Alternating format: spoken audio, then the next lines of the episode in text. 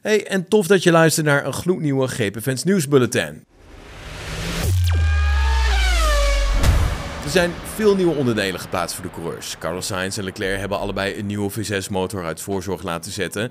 Lando Norris en Sergio Perez die pakken nog net even iets groter uit. Norris heeft namelijk een nieuwe motor, turbocharger, MGUH en MGUK. En Perez heeft een nieuwe Control Electronics, Energy Store en een nieuwe versnellingsbak.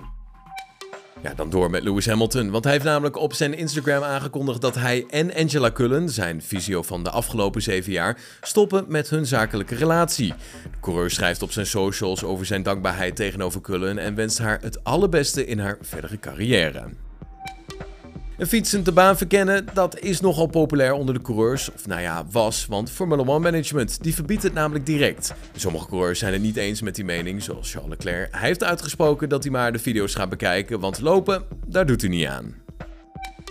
Gaan door naar het team van Aston Martin, want Alonso vindt namelijk dat alle uitspraken over de zogenaamde gekopieerde auto van Aston Martin maar onzin is. Zowel Red Bull Racing als Mercedes zijn namelijk van mening dat de auto bijna letterlijk hetzelfde is als die van hun.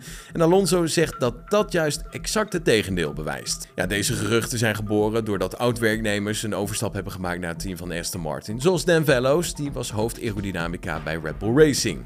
Ja, heeft een volledig eigen concept geïntroduceerd volgens Alonso, dus hij neemt alle uitspraken van Red Bull en Mercedes met een korreltje zout. En een boete van 7 miljoen dollar en minder windtunneltijd. Ja, dat is het resultaat van het overschrijden van het budgetplafond in 2021 voor Rebel Racing. Ja, wat gaat nou hier precies de impact van zijn? Nou, die vraag kreeg Christian Horner op de persconferentie in Saoedi-Arabië. Hij maakte er gelijk maar een grapje van door op die vraag te beantwoorden dat hij blij is dat het geld in ieder geval goed wordt besteed aan de nieuwe bank waarop hij op dat moment zat tijdens de persconferentie en een nieuw pak voor de VIAO's die de vragen stelden was hem dan alweer het GP nieuwsbulletin van de vrijdagmiddag. Ja, op de hoogte blijven van het allerlaatste Formule 1 nieuws, volg dan dit kanaal of check onze website gpfans.com.